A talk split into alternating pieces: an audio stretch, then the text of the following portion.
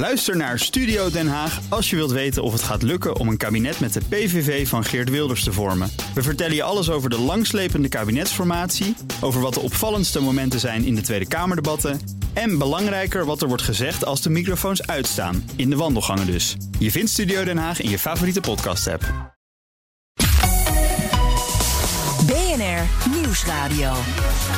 Boekenstein en de Wijk. Hugo Rijksma. How to make friends with a Swiss person. This guide will help you get there. You can compliment his or her money. Swiss people love that. Repeat after me. You have very nice money. Can I touch it? If they answer with a maybe, beware. Maybe is Swiss for no. Never make the first move. Ever. Swiss people are easily scared. Don't make any sudden movements, loud noises, or emotional statements.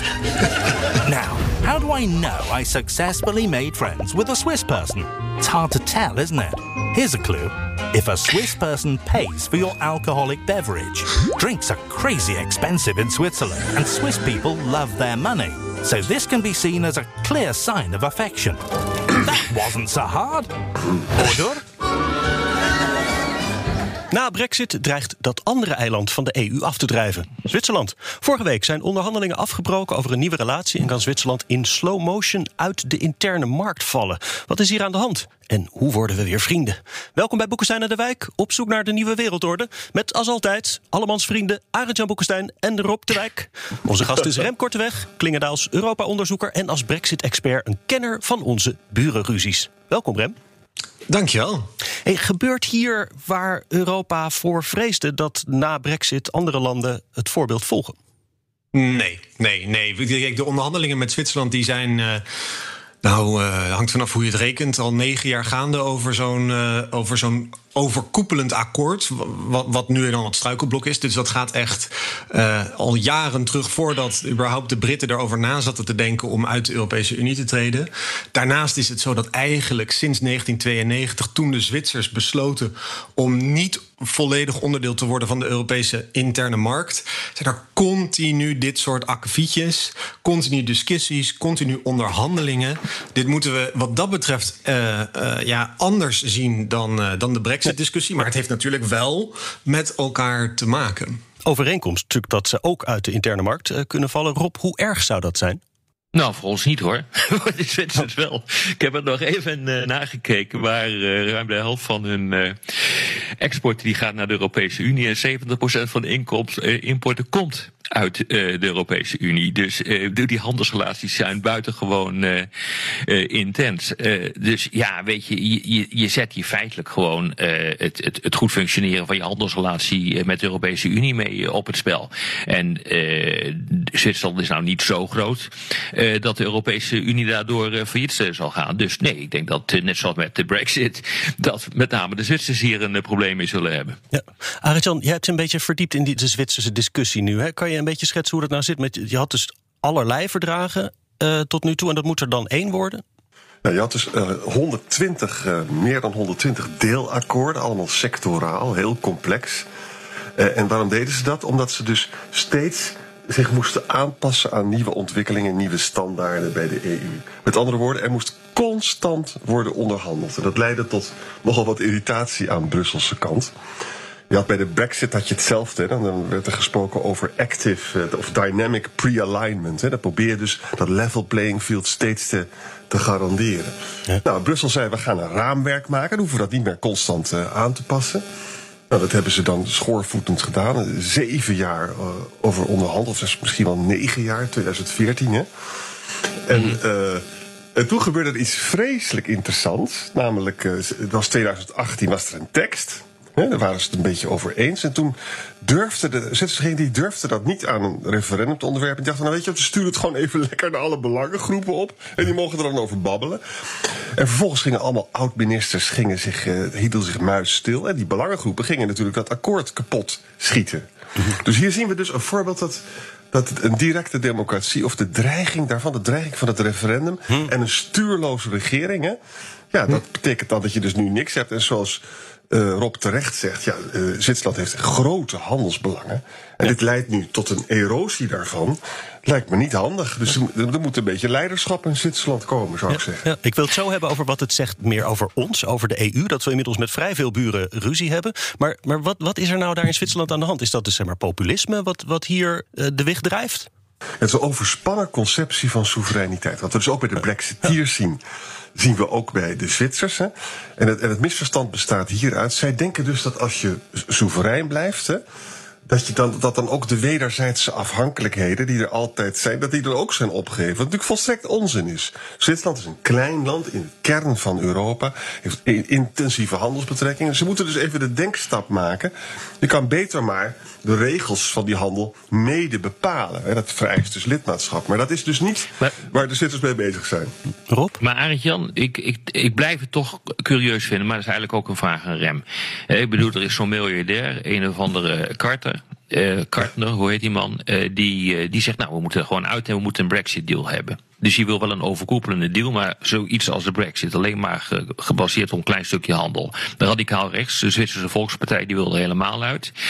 Ehm, zij moeten toch ook gewoon begrijpen dat dit ten koste gaat van een, van, van een eigen verdienvermogen.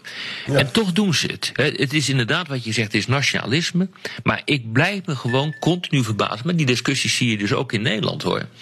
Uh, dat er dus mensen zijn uh, die zeggen van ja, wel, interesseert me eigenlijk geen reet. Uh, wat er gebeurt met mijn verdienvermogen, dan verdienen we minder. Maar dan zijn we in ieder geval soeverein. Ik, ik vind dat een totaal irrationele en voor mij niet te begrijpen reactie.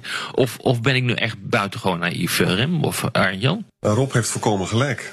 Uh, en het is angstaanjagend. Want je zou dus kunnen zeggen, eigenlijk is Zwitserland een soort droomland van Thierry Baudet. Hè? Directe democratie, uh, heel erg uh, vijandig tegenover vrijheid van personenverkeer. Ook heel gierig met sociale uitkeringen. Als je daar dus werkt bij een Zwitsers bedrijf als Nederland en je wordt ontslagen, dan raak je direct je verblijfsvergunning kwijt. Ja. En, en, en nou ja, EU, weet je, misschien ja. stel ik de vraag ook wel aan Jan aan de verkeerde. Moet je dat eerder aan een psychiater vragen of een psycholoog dan, dan iemand die zich bezighoudt met internationale betrekkingen of internationale politiek? Maar ik blijf het gewoon, ik blijf het curieus vinden, Rem. Wat, wat, wat, wat denk jij? Wat is nou ten diepste hier de achtergrond van? Waarom nemen mensen besluiten terwijl ze weten dat het gewoon hun, hun geld kost? Wat is dat? Nou ja, ik kan me. In, in de context van Brexit heeft Nigel Farage, jullie kennen hem wel, ooit een keer gezegd: ja. Het maakt mij niet uit als wij als Engeland armer worden. Als dat maar betekent dat wij soeverein zijn en meer controle hebben over onze migratie. En um, ik weet minder goed hoe de discussie in Zwitserland speelt. Want daar wordt om, de, om het jaar heb je daar een andere regering en alles wordt aan een referendum gegeven. Maar Arend Jan heeft natuurlijk wel gelijk dat populistische tendensen wel heel sterk gevoed worden als je uh, een complex uh, economisch akkoord voorlegt. Um, wat, wat, wat niet goed uitgelegd wordt aan de bevolking wat dat betekent. Uh, de Zwitsers die zijn buitengewoon gevoelig voor allerlei stappen die hun soevereiniteit of hun neutraliteit zouden aantasten. Dat weten we. Ze zijn ook ontzettend protectionistisch als het gaat over het beschermen van hun vrij hoge uh, lonen. Uh, dus ze zijn altijd heel kritisch geweest over de, de, de mogelijkheid van de vrijheid van persoonsverkeer. Um, ja, en, en, en in die context, als je het dan voorlegt aan uh, een referendum, ja, dan ontstaat er een hele makkelijke situatie dat zo'n akkoord afgeschoten wordt. Maar eerlijk gezegd, de Zwitsers lijken op dit moment niet echt in paniek. Die denken van, goh, nou, hè, we hebben de deur eventjes dichtgegooid voor zo'n overkoepelend akkoord. Maar de Europese Unie die, die zal vast wel nog um, bilaterale akkoorden met ons willen uitonderhandelen. Want uh, we, zijn we zijn een bergketen in het midden van de Europese Unie. Wij gaan nergens heen. Uh, we handelen ook veel met elkaar. De, de, de wederzijdse handel is ongeveer 280 miljard. Dus ja, zij rekenen erop dat de Europese Unie de rationele route gaat volgen. en dan terugvalt op een plan B. waarin je door blijft gaan met deze 120 deelakkoorden. En ik vraag me af of de EU dat wel nee. gaat doen. Nee, de Europese Unie, althans wat ze nu hebben gezegd, die hebben uh, eigenlijk feitelijk aangegeven: dit willen we niet. We willen hier vanaf. We kunnen niet iedere keer, als er weer een referendumpje is, uh, weer gaan sleutelen aan die, aan die akkoorden. We willen gewoon één uh, groot akkoord hebben en that's it. En daar hebben ze denk ik gewoon, gewoon ja, gelijk en dat in. En dat betekent dus, dat die deelakkoorden zijn dus nu bevroren. Hè? Dat betekent dus dat die, die markttoegang die erodeert ja. geleidelijk. Hè? Ja. En, ja, die worden dus niet geüpdate. Ja. Exact, exact. Wel, wel al meteen de medische apparatuur, geloof ik, die als eerste aan de beurt was. Dus dat is op dit moment wel misschien lastig. Daarom is nou, wat je dus ook, zo boos. Wat je dus ook ziet, is dat de Zwitsers nu ook medisch materiaal uit de Europese Unie aan het, uh, aan het, uh, aan het opslaan zijn. Om uh, de, hun loodsen vol te hebben, zodat ze nog steeds kunnen blijven produceren. Omdat inderdaad op hele korte termijn, en dat is eigenlijk al gebeurd, is een van die akkoorden, een van die 120 akkoorden, die is verlopen. En ja. Um, ja, dan, dan heb je te maken met tarieven, dan heb je te maken met regelverschillen. En ja, dat gaat dan in die sector gaat dat pijn doen. Wat wel lastig is, aangezien het 3% van de Zwitserse export En dan zijn, daarna zijn de koekoeksklok en de kaas van du ook aan de beurt. nou, ja, dat... maar Rem, hmm. maar Rem, er zit toch ook zo'n gezellige uh, guillotine-clausule in. Ja. Uh, ja. Met andere woorden, als een van die akkoorden uh, om zeep wordt geholpen, dan vervallen alle akkoorden. Heb jij enig idee wat, de, of misschien Arend Jan, wat daar de gevolgen van zouden kunnen zijn van die clausule die erin zit? Er is niet een guillotine-clausule voor de hele relatie. Je hebt wel guillotine-clausules per sectoraal akkoord. Ja. En dat, je, hebt uh, verschillende manieren waarop dit besluit pijn kan gaan doen. Eén is dat zo'n guillotine-clausule geactiveerd wordt. En dat betekent als er geen update is, dan vervalt het helemaal. Je hebt ook sectorale akkoorden. Ja, het is een enorm oerwoud hoor, als je daar doorheen moet werken. Maar je hebt ook sectorale akkoorden die, uh, waarin um, in feite de status quo uh, vastgelegd wordt. Maar als regels veranderen, als de Europese Unie regels aanscherpt op het gebied van uh, handel in chemische goederen of uh, de voedselveiligheid of hm. hoe wij vinden dat machines gemaakt moeten worden. En dat wordt niet aangepast in zo'n sectoraal akkoord. Ja, dan is het sectorale akkoord wat de Zwitsers hebben, is alleen het papier waard waar het op geschreven is. Hm. Want je kan daar geen rechten aan ontlenen om toegang te krijgen meer tot die markt, omdat de regels gaan verschillen. Ja. En, en dat is echt wel een probleem als dit lang blijft duren. Ja. Oké, genoeg hmm. denk ik voor nu eventjes over de Zwitsers. Laten we zo even verder kijken naar onszelf. BNR Nieuwsradio. Boekenstein en de Wijk. Op zoek naar de nieuwe wereldorde. Dit is Boekenstein en de Wijk. En dat programma is natuurlijk niet zonder Arend-Jan Boekenstein en Rob de Wijk. Mijn naam is Hugo Reitsma en onze gast is Rem Korteweg, chef EU bij Klingendaal. We hebben eigenlijk dus best veel ruzie met de buren. En ik denk dat iedereen die woont in een drukke buurt dat uh, wel uh, herkent. Hè. Je hebt altijd feestvierders of zaggerijnen of sloddervossen of azo's. Maar als je mot hebt met zo'n beetje alle buren... dan kan het ook dat het ergens een beetje aan jou ligt. Uh, Rem, als je zo'n beetje op de kaart uh, rondkijkt... met welk buurland hebben we dan inmiddels geen gedoe meer? Ja, ik denk dat we het minste gedoe met de Noren hebben ah, inmiddels. Uh, maar dat, dat, dat, dat, ieder jaar komt dat ook wel weer terug in de context van de jaarlijkse visserijonderhandelingen. Ja. Uh, maar ik denk, als ik zou moeten kiezen, dan zou het Noorwegen zijn, okay. waarmee we het beste. Daar kan je ook geen ruzie mee maken, hè, met Noren. Uh, ja, nou ja, de, de, wacht maar, wacht maar. ja, precies. Hey, maar wat zegt dat jou? Nou ja, kijk, het, wat allereerst wat een beetje pijnlijk is voor de Europese Unie, is dat als je de relatie met een, een, een rijk net land als Zwitserland, als je dat niet kan beheersen, terwijl je ook geen goede betrekkingen hebt met landen als Rusland en Turkije, ja, dan heb je misschien wel een probleem in uh, ofwel je communicatie, ofwel je buitenlands beleid, of het is, is iets structurelers aan de hand. En dat is volgens mij gaande. Namelijk, de Europese Unie is altijd de grootste speler. Hm. Altijd de grootste markt waarmee onderhandeld wordt. En als je geen lid wil zijn van de Europese Unie en je onderhandelt over economische uh, relaties, dan gaat dat altijd gepaard met concessies aan de andere kant van de onderhandelingstafel. -hmm. En de Europese Unie die heeft ook door Brexit geleerd om de waarde in te schatten van wat het betekent om de integriteit van de interne markt te waarborgen. En die bereidheid aan de Europese kant om concessies te doen, om kleinere landen, kleinere economieën tegemoet te komen, die is een stuk minder geworden. Dus uh, de Europese Unie. Terecht. Dat lijkt me ook nog wel een keer eh, terecht. Als je dus uh, ziet wat die uh, Zwitsers willen. Die willen mogelijkheden hebben om ja. staatssteun te verlenen. Nou ja, daardoor kom je gewoon in een oneerlijke concurrentiepositie ja.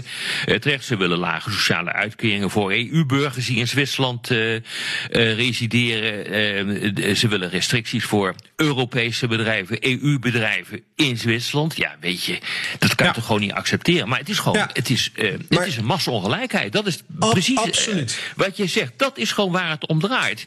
En naarmate de Europese Unie meer gaat integreren, sterker wordt, uh, die regelmacht groter wordt, zal dit alleen maar toenemen. En dat is eigenlijk, weet je, interessant genoeg, uh, als je het positief bekijkt, is dat een hele goede zaak. Want dat betekent gewoon dat de Europese Unie een steeds grotere machtspolitieke speler wordt. Ja, en dat dat problemen oplevert voor kleinere landen. Ja, Amahula, dat weet ik ook wel. Nou, en, en toch even nog een bruggetje naar Brexit. Want pre-Brexit was de Europese Unie meer bereid om uh, toch met de Zwitsers proberen eruit te komen. We wisten dat het altijd een enorme, oneindige onderhandelingscyclus met de Zwitsers was. Maar men dacht van oké, dat kan. Maar met het vooruitzicht dat met het Brexit-akkoord we dat ook te, uh, gaan krijgen met de Britten. En dat de Britten absoluut zullen kijken wat voor precedent er geschapen wordt met de Zwitsers. Betekent dat de Europese Unie nu zijn positie verhardt richting Zwitserland om de Britten niet aan te moedigen. Ja, ja. Dus het is de, de, de Europese Unie leert ook wat dat betreft om, om, om uh, strategischer om te gaan met uh, het, het inzetten van, uh, van, van de, eigen, de eigen onderhandelingspositie en van met name de interne markt. Ja, maar dit is allemaal goed en wel. Maar Rem, ik hoorde jou volgens mij ook nog iets zeggen. Het zou ook iets met de communicatie te maken kunnen hebben of dat de commissie te rigide is? Ja, nou kijk, wat er heel vaak gebeurt met zo'n handelsakkoord... is uh, dat, zijn, dat zijn duizenden pagina's. Uh, en dat wordt dan door de ambtenaren, door de technische experts... wordt dat uitgewerkt. Maar dat is niet om doorheen te komen. En als het er eenmaal ligt, dan wordt er gezegd van... ja, wilt u alstublieft tekenen bij het, uh, bij het kruisje? Ik denk dat wij in Nederland ook nog wel um, ja, een discussie moeten hebben... over hoe we met ons eigen handelsbeleid omgaan. Wat natuurlijk een afgeleide is van uh, het Europese handelsbeleid. Wat er niet goed gedaan wordt in de communicatie, is dat er uitgelegd wordt, zoals wij nu doen, van wat het belang is om bijvoorbeeld toegang te houden tot de interne markt. Om bijvoorbeeld staatssteunregels te volgen van de Europese Unie, als dat je belangrijkste handelspartner is. Als dat gesprek niet plaatsvindt, ja, dan creëer je dus ruimte voor populistische krachten die zeggen van ja, maar soevereiniteit of uh, neutraliteit maar, maar, of uh, we zitten op onze berg. Maar Rem, om even om Brussel te verdedigen. Je hebt na zeven jaar onderhandelingen in 2018 heb je een, uh, of dat was eigenlijk na vier, hè? Heb je, heb je een tekst waar je het over eens bent met elkaar. En vervolgens gaat, dus dat, dan gaat Zwitserland dat, die tekst thuis niet verdedigen. Nou ja, dan zou nee. ik me dus ook uh, in de aap gelogeerd voelen. Ja. Toch? Ja, klopt. Nee, klopt. En ik, denk, ik, ik, ik beschuldig de commissie in zoverre ook nergens van, maar wel de lidstaten. Uh, welke, welke lidstaten hebben zich, uh, hebben zich hard gemaakt voor dit akkoord met de Zwitsers? Volgens mij vinden de lidstaten het ook prima om dat af te schuiven op de commissaris Handel bij, in Brussel. Want dat is ook fijn als de Zwitsers niet ja, mee willen. Maar, niet maar, mee willen maar, spelen. Maar, het is toch gewoon communitair beleid. Die gaat Brussel toch gewoon over? Die mogen Abs toch alleen uh, handelsakkoorden afsluiten? Mm, niet dit afsluiten wel, maar het mandaat, het vaststellen van het mandaat, dat Ja, gebeurt wel dat degelijk door de inderdaad 27 gedaan. lidstaten. Ja. Uh, dus die bepalen ook de onderhandelingsruimte. En als de 27 lidstaten een mandaat hebben vastgesteld, dan gaat de commissie aan de slag. Ja, dat ben ik volstrekt met je eens, maar dat is even hier het punt niet. Het zijn uh, de eisen van de Zwitsers die gewoon totaal niet sporen met Ja, uh, de uitgangspunten van de interne markt. Ik bedoel, dan Ja. uh, kan je hoog of laag springen, maar dan zou ik als commissie ook zeggen van jongens, ga in godsnaam koekoeksokken daar maken, maar hou hiermee op. Ja. Het Ja? zijn gewoon zo rozijnenpikkers. Ze willen de rozijnen uit de pap halen. Moet je je voorstellen, ze hebben een, Krenten. een, een, een, een, modaal loon van 70.000 euro eh, per jaar. Bij ons is dat 40.000. Het is, het is een heel erg rijk land. Nou, de, prijzen zijn in Zwitserland ook heel hoog. Dus ze doen met name boodschappen bij de buren. hè. Ja, ja. Daar zie je altijd een soort free rider status. Eerst, vroeger hebben ze nog het bankgeheim gehad. Dat was ook zo gezellig, hè? En nu vragen we van je luister eens, als je toegang tot die gemeenschappelijke markt wil hebben, dan moet je gewoon met staatssteun onze regels volgen. Dat is een hele normale eis. Hè? En wij zouden het ook wel leuk vinden dat als eh, EU-burgers die bij jullie werken en die werkloos raken, dat jullie ze ook een beetje onderhouden. Ja. Zoals, en dat, dat doen ze, dat weigeren ze gewoon allemaal. Nou ja. En dan, weet je wat ik er zo belangrijk aan vind? In Nederland, bij onze populistische vleugel, wordt Zwitserland als een paradijs gezien. Hè, met directe democratie, is allemaal prachtig. Dit is juist het bewijs dat die dreiging van dat referendum dat er aankwam, dat dat leidt tot een stuurloze en ook laffe Zwitserse regering. En die bovendien ook helemaal niet kiest voor de belangen van de Zwitserse Hmm. burgers zelf. Want ja, erosie van de toegang tot de gemeenschappelijke markt, dat kan nooit een Zwitsers belang zijn. Ja, Dus ik zijn vind de- per capita, dus per hoofd van de bevolking, een van de grootste verdieners aan de Europese interne Ja, markt. hè. 3000 ligt- euro. Ja. Ja, tussen drie, ja, zelfs, eh, zelfs nog meer is het. En als je dus ehm, ehm, even verderop bij mij gaat kijken in, ehm, in eh, Genève, dan, eh, ja, dat zijn alleen maar grenswerkers. Het continue Ja. verkeer over en weer van Fransen die in Zwitserland werken en Zwitsers die in Frankrijk werken. Dat is echt gigantisch. Het is gewoon één groot Europees, Europees vrij gebied. Nou, je moet er Ja. toch niet aan denken, als Zwitser, dat dat gaat veranderen. Er werken volgens mij 1,4 miljoen EU-burgers in eh, Zwitserland. Ja. Dat zijn, Ja, eh, dat dat zijn enorme aantallen. Eh, Nou, ga- naar Genève toe, ga naar Montreux Ja. toe. Dat zijn gewoon totale Europese steden waar je ook wel Zwitsers ziet. Ik hoor uiteindelijk toch best wel veel overeenkomsten met die brexit. Hè? Het gaat over personenverkeer, het gaat over soevereiniteit. Populisme speelt een Tuurlijk. rol, rigide Europese commissie, politieke avonturiers. Dat is een beetje nou, het is een hele rare, dysfunctionele liefdesdriehoek hè, tussen, tussen het Verenigd Koninkrijk, Zwitserland en de EU. Om maar even nog een, een, een dwarsstraatje te benoemen. Ehm, Zwitserse banken hebben geen eh, vrije toegang vanuit Zwitserland op de Europese interne markt. Dat is onderdeel van het akkoord wat, eh, eh, wat in 1992 met ze gesloten is. Dus wat hebben Zwitserse banken gedaan? Die hebben allemaal dependances geopend in Londen. Vlieg naar Londen en je vliegt over de wolkenkrabbers van Credit Suisse en, eh, en RBS heen. Die wolkenkrabbers heb je niet in, in Zwitserland zelf. Ehm, dus daar, van daaruit, vanuit Londen, drijven Zwitserse banken handel met de rest van de Europese Unie. Nou, wat gebeurt er? Brexit, geen afspraken over financiële dienstverlening tussen de EU en het VK. En Zwitserse banken hebben nu een probleem. Eh, eh, dus het, het, het haakt allemaal op elkaar in. Het punt wat je maakte, Hugo, over die soevereiniteitsdrift... die, die, die zit er natuurlijk ook heel sterk in. Die zorgen om, eh, om, om vrijheid van persoonsverkeer. Maar nogmaals, dit is precies de reden... waarom de Europese Unie ook echt zo'n overkoepelend akkoord wilde. Omdat ze de bui al zien hangen... dat eh, de Britse onderhandelingspositie... een soort grote variant van de, de, de Zwitser, het Zwitserse model gaat worden.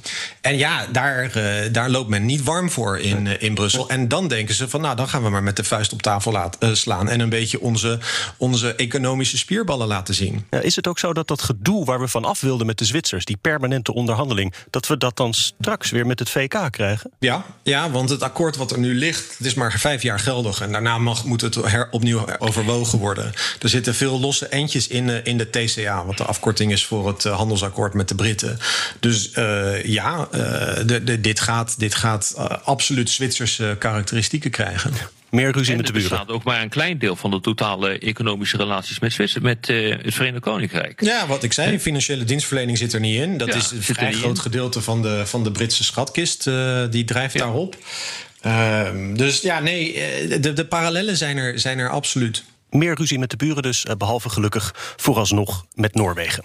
Op de radio ronden we af, maar in de podcast gaan we door met luisteraarsvragen. Luister je op de radio, dan verwijs ik naar Apple Podcast, Spotify of boekensteinendewijk.nl. Michael vraagt, wat maakt het voor de Zwitsers zo aantrekkelijk om buiten de EU te blijven? Niks. ja, eh, dat zijn, eh, dat zijn sentimenten. Ja, Nou, ik kijk, bedoel, of zie ik, dit, of zie ik dit nou helemaal verkeerd? Nou, dat kijk, iedereen is met domheid geslagen. Nee, kijk, er zitten een aantal hele nadrukkelijke nadelen aan. Dus bijvoorbeeld die, die, die toegang voor Zwitserse banken tot de Europese interne markt. Daar, daar hebben ze echt onder, onder te lijden, om het zo maar te zeggen. En ze, ze hadden dus die route via het VK, die is afgesloten. Dus daar moeten ze nu alternatieven voor gaan bedenken. Wat, de, wat in ieder geval eh, aan Zwitserse zijde vaak gezegd wordt, is van ja, maar wij willen, wij willen neutraal zijn. Wij willen soeverein zijn. Wij willen zelf over onze regels kunnen beslissen. Dus wij willen niet staatssteunregels van, het, eh, van de Europese Unie opgedrongen krijgen. Maar, en, en daarvan kan je zeggen van ja, dat is ideologie of dat is emotie of dat is, dat is gepolitiseerd. Wat volgens mij een concreter punt is, is de, wat ook Arend Jan eerder benoemde. Uh, de Zwitsers hebben ongelooflijk hoge lonen. Uh, ga je de deur openzetten voor een EU-achtige manier van vrijheid van persoonsverkeer, om arbeidsmigratie mogelijk te maken, ook niet alleen van, van uh, Fransen op de grens met, uh, met Genève, maar ook mensen uit Centraal- en Oost-Europa, ja. dan gaan die lonen gedrukt worden. Want er is opeens veel meer. Ik ken best wel wat mensen die graag voor een Zwitsers loon zouden ja. willen, zullen, willen werken. Ja, en, en dus het is ook gewoon een protectionistische houding. Maar kijk, dat is wel heel interessant. Het, helemaal mee eens. Maar wat gaat er dan gebeuren als je af bent van, uh, laten we zeggen, die handelsakkoorden die er allemaal uh, nu uh, zijn? He, die 120 akkoorden, dat dat hele kaartenhuis op een of andere manier in elkaar start. Wat zou er dan met die lonen gaan gebeuren? Nou ja, de vraag is wat dat met de, in eerste instantie wat er met de economie gebeurt als al die mensen daar niet ja, meer makkelijk kunnen werken. Uh, dus ja. die 1,4 miljoen Europeanen die er nu al aan de slag zijn, als, die, uh, als, als hen het moeilijker wordt gemaakt, dan, dan, ja, dan moet je dat met de Zwitserse bevolking zelf opvangen. En dat gaat gepaard met economische kosten. Dus, en dat, je mag verwachten dat dat ook zich vertaalt in, in, in lagere lonen. Dus hoe dan ja. ook, en volgens mij is dat het punt wat je, wat je wil maken, is dat, dat, je, dat ze zich een beetje in de, in de vingers snijden. Um, Nogmaals, de, de, de Zwitsers rekenen erop, omdat ze al 50 jaar met de Europese gemeenschap eerst en daarna met de EU aan het onderhandelen zijn, dat ze hier ook wel ja, toch op z'n Zwitsers er weer tussenuit gaan, gaan komen. Maar de vraag is, en die stelde Arend Jan nu ook, van accepteert de EU het dat je een rozijnenpikker in het midden hebt? Zwitserland, die um, ja, de krenten uit de pap blijft halen en zich niet verplicht aan al die verantwoordelijkheden en al die lasten waar EU-lidstaten uh, mee te maken hebben. En ik, ik denk dat het, dat, dat, dat het glas enigszins leeg aan het raken is aan, aan, aan de zijde van Brussel. Maar, en, ja, maar kijk eens, uh, uh, Arie Jan uh, en, en Rem. als we dat gaan doen als Europese Unie, dan snijden we onszelf in de vingers. Dat gaan we dus niet doen. Ik bedoel, als Nederlander zou ik ja. dat gewoon niet willen. Ik zou dat niet accepteren. Vind ik ook.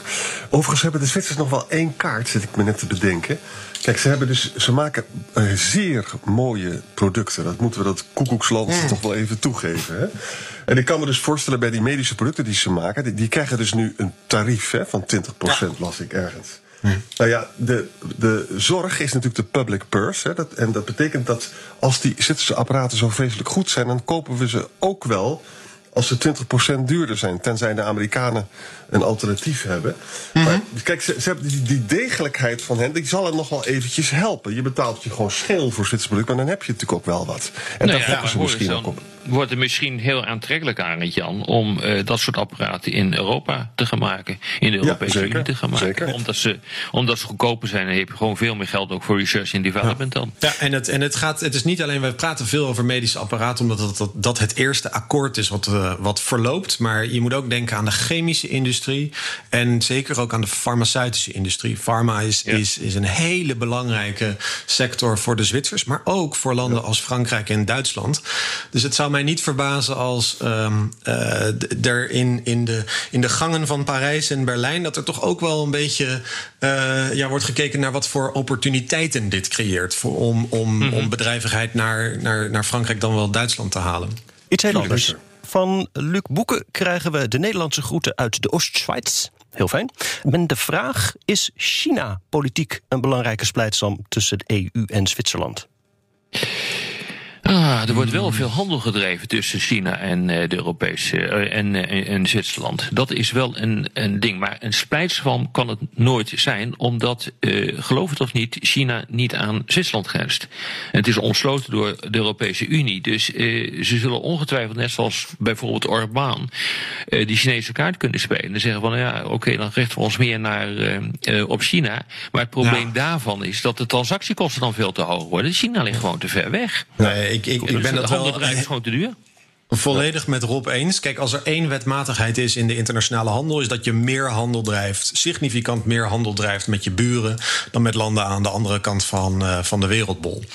Uh, of daar nu tarieven gelden of niet, dat, dat is een ijzeren wetmatigheid. Um, daarnaast, ik heb nog even naar die cijfers. Ik heb nog eventjes naar de cijfers gekeken. En het, uh, Zwitserland handelt veel met, met China, maar dat staat in geen vergelijking met de handel met, met, met EU-lidstaten. Ja, ja. Dus ik, ik, ik denk dat die splijtswam, dat dat eerlijk gezegd wel, wel mee zal vallen.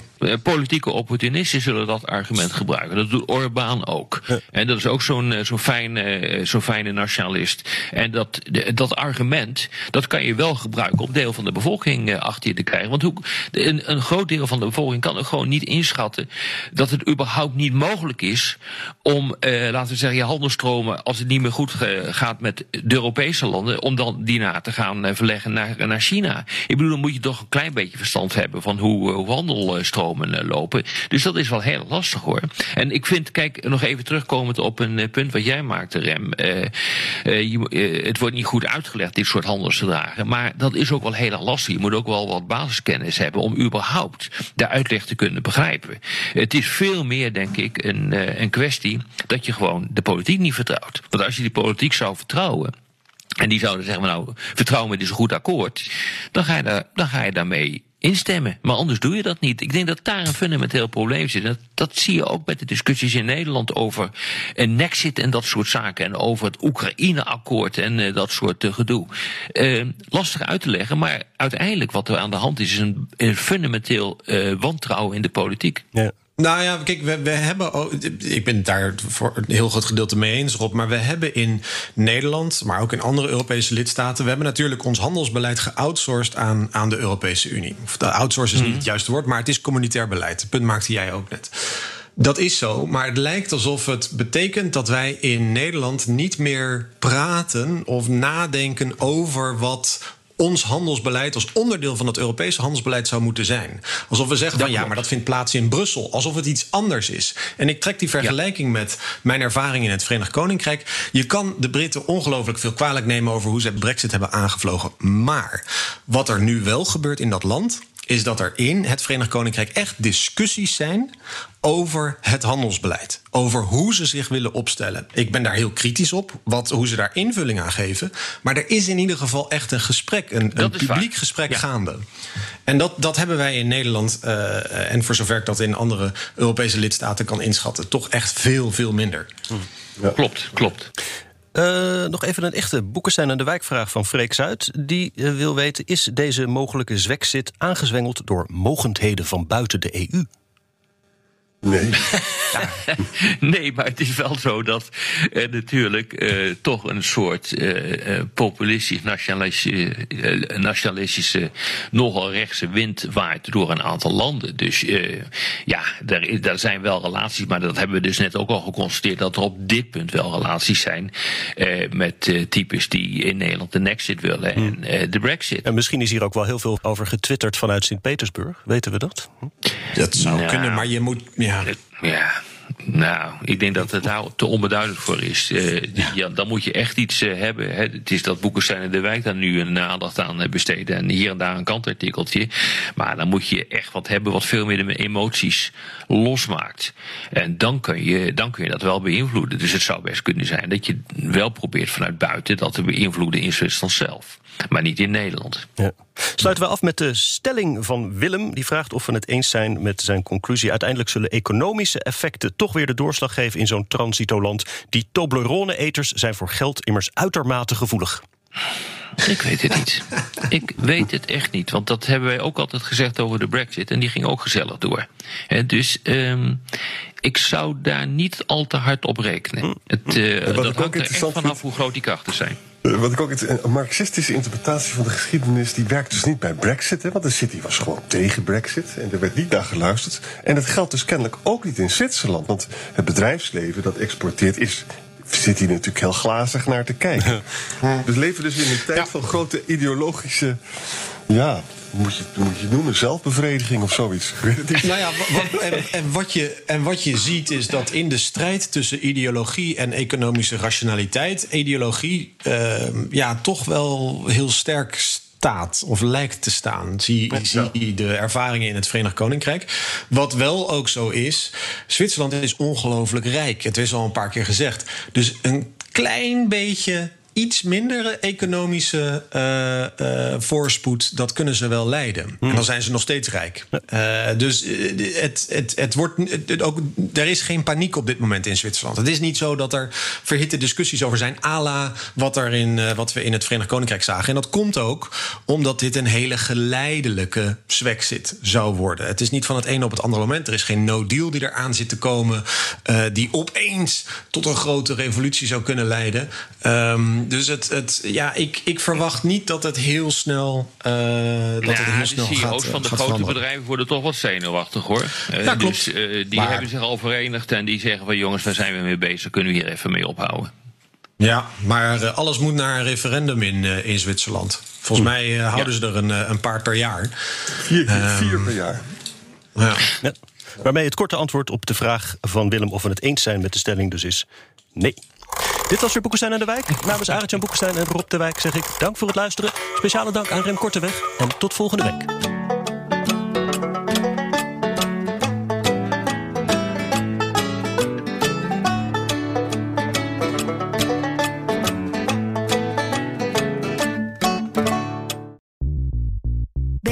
BNR ben je altijd als eerste op de hoogte van het laatste nieuws. Luister dagelijks live via internet. Bas van Werven. En heel langzaam komt de zon op rond dit tijdstip. Je krijgt inzicht in de dag die komt op BNR, het Binnenhof in Nederland en de rest van de wereld. De Ochtendspits. Voor de beste start van je werkdag. Blijf scherp en mis niets.